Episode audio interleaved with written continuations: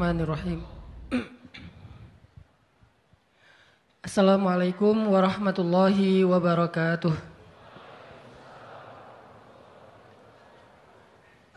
Alhamdulillah, alhamdulillahi alladzi hadana li hadza wa ma kunna linahtadiya laula an hadanallah.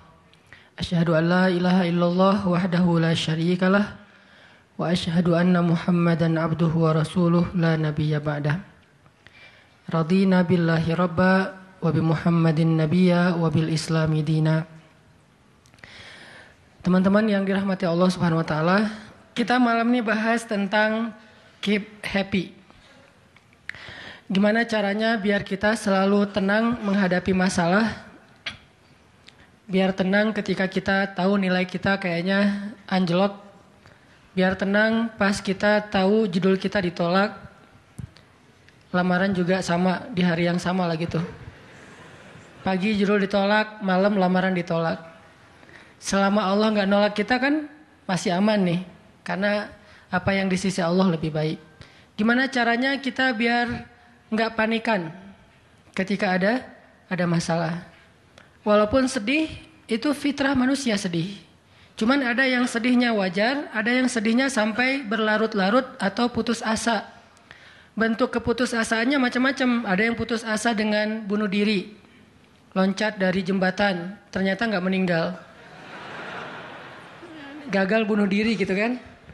Ada yang putus asanya dengan cara uh, ngelakuin perbuatan dosa, kayak mencuri atau udahlah saya mah nggak mau peduli lagi dengan hal haram yang penting saya ambil aja semua proyek gitu nah, ini putus asa ada yang putus asa dengan nggak mau lagi bertaubat dia ngerasa aduh kayaknya saya nggak pernah nasuhan nih taubatnya taubat ulangi lagi taubat ulangi lagi kenapa kita berputus asa minta ampun ke Allah padahal Allah nggak pernah putus asa mengampuni kita kan aneh nih Allah tuh nggak pernah putus asa mengampuni kita nggak pernah nggak pernah bosan menerima taubat kita. Allah nggak pernah bilang, ah lo datang ntar pasti besok buat lagi. Enggak.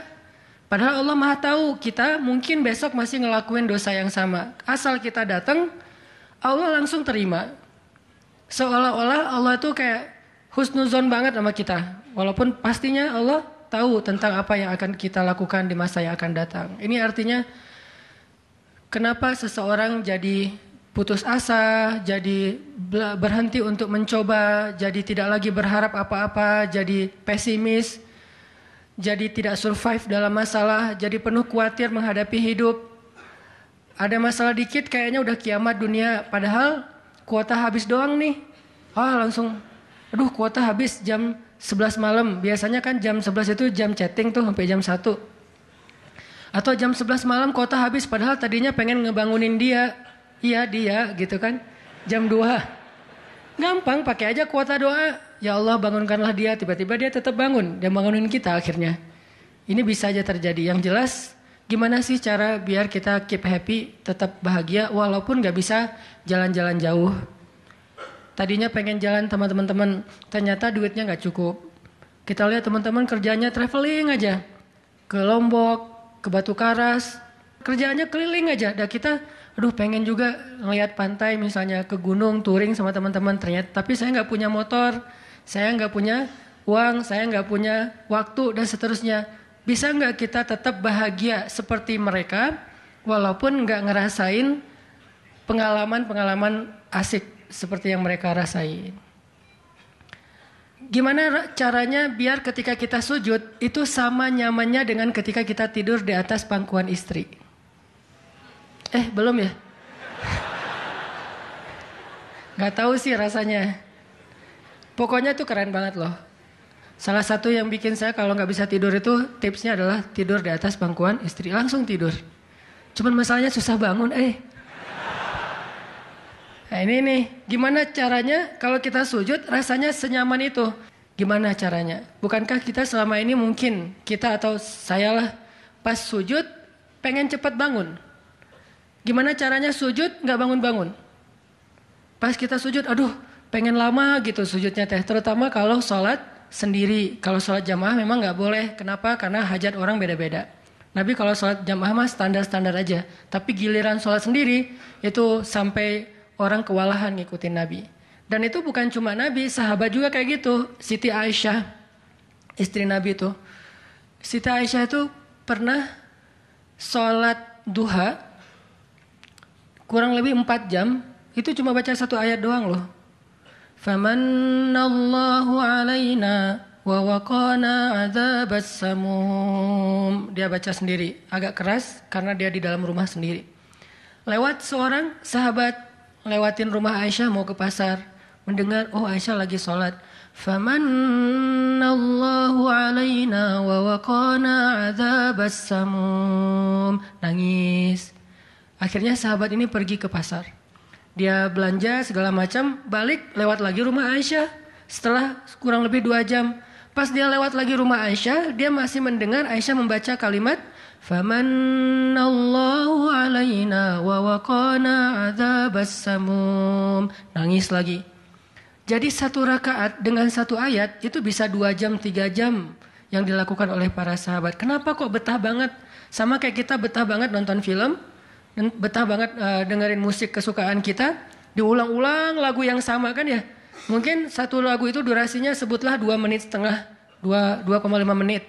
Tapi diulang-ulang bisa sampai setengah jam mendengar lagu yang sama, bukan satu album, satu lagu. Kenapa kita betah? Nah, gimana caranya? Kita juga dapat kebetahan kayak gitu ketika dengerin bacaan Al-Quran, ketika kita membaca Al-Quran sendiri, ketika kita sholat. Sampai ada istri Nabi sholat sambil ngikat badannya di dinding. Jadi dia bikin tali ke dinding gitu, terus dia ikat badannya. Sehingga kalau dia udah nggak kuat lagi, dia bersandar dengan ikatan tali di badannya, saking lamanya berdiri sholat. Coba bayangin, berarti kan semalaman tuh kalau udah nggak kuat dia berdiri itu sambil badannya keikat di tali. Dan Nabi melihat itu menangis karena melihat kesungguh-sungguhan para sahabat dan sahabiat dalam beribadah kepada Allah. Dan itu bukan paksaan siapa pun. Nabi nggak pernah maksa kayak gitu. Mereka sendiri berinisiatif. Jadi tutorialnya dibikin sendiri gitu. Duh, saya sholat kalau malam-malam kayak gini jadi agak nggak kuat. Atau saya lagi sakit nih, lagi lemes nih, lagi kurang makan. Ya udah deh, agar tetap bisa berdiri dia ikat tali, dia ikat ke badannya, terus berdirinya kayak orang-orang uh, apa setengah sadar gitu. Nah ini menunjukkan ada kenikmatan yang luar biasa yang mereka dapetin ketika mereka uh, dekat dengan Allah Subhanahu Wa Taala. Gimana sih caranya biar kita bisa kayak gitu? Gimana caranya kita entertain kita itu adalah zikrullah boleh-boleh aja kita entertainnya nonton film, dengerin musik-musik yang positif. Entertain kita mungkin chatting, entertain kita mungkin update status, entertain kita mungkin kepoin mantan misalnya. Boleh-boleh aja selama masih wa, wajar. Tapi bisa nggak entertain kita yang lain itu zikrullah. Dengan mengingat Allah kita jadi terhibur gitu. Dan itu entertain luar biasa pahalanya. Gimana caranya? Ini yang kita pengen belajar malam ini. Sehingga kita bisa tetap happy walaupun dalam keadaan tadi akhir bulan, dalam keadaan habis diputusin, dalam keadaan ditolak, dalam keadaan bingung, galau, segala macam termasuk habis pulsa. Tetap bisa happy. Pas telepon, pulsa Anda tidak mencukupi. Masya Allah. Gitu. Senyum gitu ya. Bukan, duh mana nih apa panik. Biasa aja. Nah ini kita perlu belajar saya juga merasa butuh mempelajari lagi gimana caranya biar bisa ngerasain itu. Dan nasihatnya bukan dari saya. Karena saya juga masih belajar, belum istiqomah-istiqomah amat nih. Tapi nasihatnya dari para ulama yang diambil dari ayat Al-Quran dan hadis-hadis Rasulullah SAW. Nah sebelumnya coba kita perhatiin dulu kisah tentang ketenangan dengan mengingat Allah tuh kayak gimana. Salah satunya ada di surat At-Taubah yang terkenal. A'udzu billahi minasy syaithanir rajim. Illa tansuruhu faqad nasarahu Allah. إذ أخرجه الذين كفروا ثاني اثنين إذ هما في الغار إذ يقول لصاحبه لا تحزن إن الله معنا الله سكينته عليه وأيده بجنود لم تروها وجعل كلمة الذين كفروا السفلى وكلمة الله هي العليا والله عزيز حكيم Kalau kalian tidak menolongnya, maka sungguh Allah akan menolongnya. Seperti ketika orang-orang kafir mengeluarkan dia dari kota Mekah pada saat dia menjadi salah satu di antara dua orang yang berdiam di dalam gua yaitu gua Sur. Ketika ia berkata kepada sahabatnya yaitu Abu Bakar, dia di sini siapa? Rasulullah Wasallam. Ketika dia berkata kepada sahabatnya, La tahzan, inna Allah ma'ana. Janganlah kamu khawatir, bersedih, takut, itu sama. Sesungguhnya Allah bersama kita. Maka Allah subhanahu wa ta'ala menurunkan rasa ketenangan kepadanya. Dan menolongnya dengan tentara yang kalian tidak bisa melihat.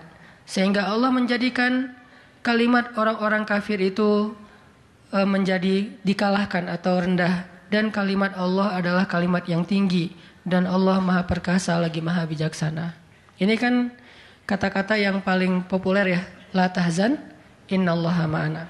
Tips pertama kalau kita pengen bisa lebih tetap tenang, happy ketika kita dalam tekanan adalah kita tuh emang harus punya sahabat yang selalu mengingatkan kita kepada Allah Subhanahu wa taala.